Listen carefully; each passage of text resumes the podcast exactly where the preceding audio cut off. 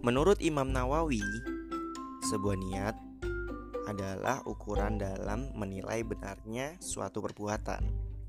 Ketika niatnya benar, maka perbuatan itu benar adanya.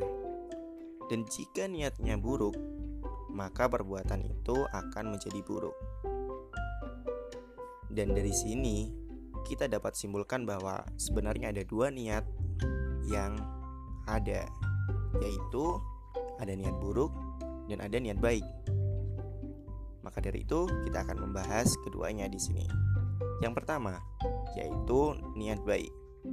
Niat baik adalah sebuah alasan dalam melakukan sesuatu yang tujuannya memang baik, seperti beribadah untuk mendekatkan diri kepada Allah, melakukan sesuatu untuk meringankan beban orang lain, belajar demi menghilangkan kebodohan diri sendiri, Bahkan bekerja untuk menjaga kehidupan keluarga pun termasuk dalam niat baik.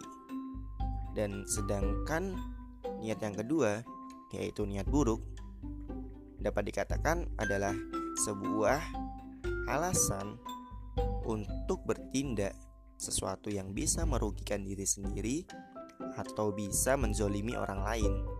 Bahkan dalam wujud doa pun sebenarnya tidak boleh berdoa dengan niat yang buruk seperti berniat untuk mencelakai orang lain atau berniat untuk mengambil hak orang lain.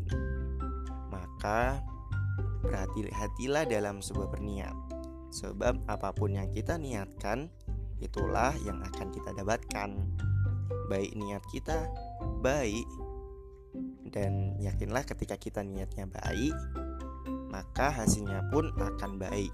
Begitu juga sebaliknya, ketika kita niatkan buruk, maka hasilnya akan buruk dan bisa jadi itu kembali pada diri kita. Maka perlu kita ingat seperti sabda Rasulullah Shallallahu Alaihi Wasallam tentang innamal a'maluhu niat wa innamal likulli nawa. Sesungguhnya amalan itu tergantung pada niatnya dan sesungguhnya setiap orang akan mendapatkan apa yang ia niatkan. Hadis riwayat Bukhari dan Muslim.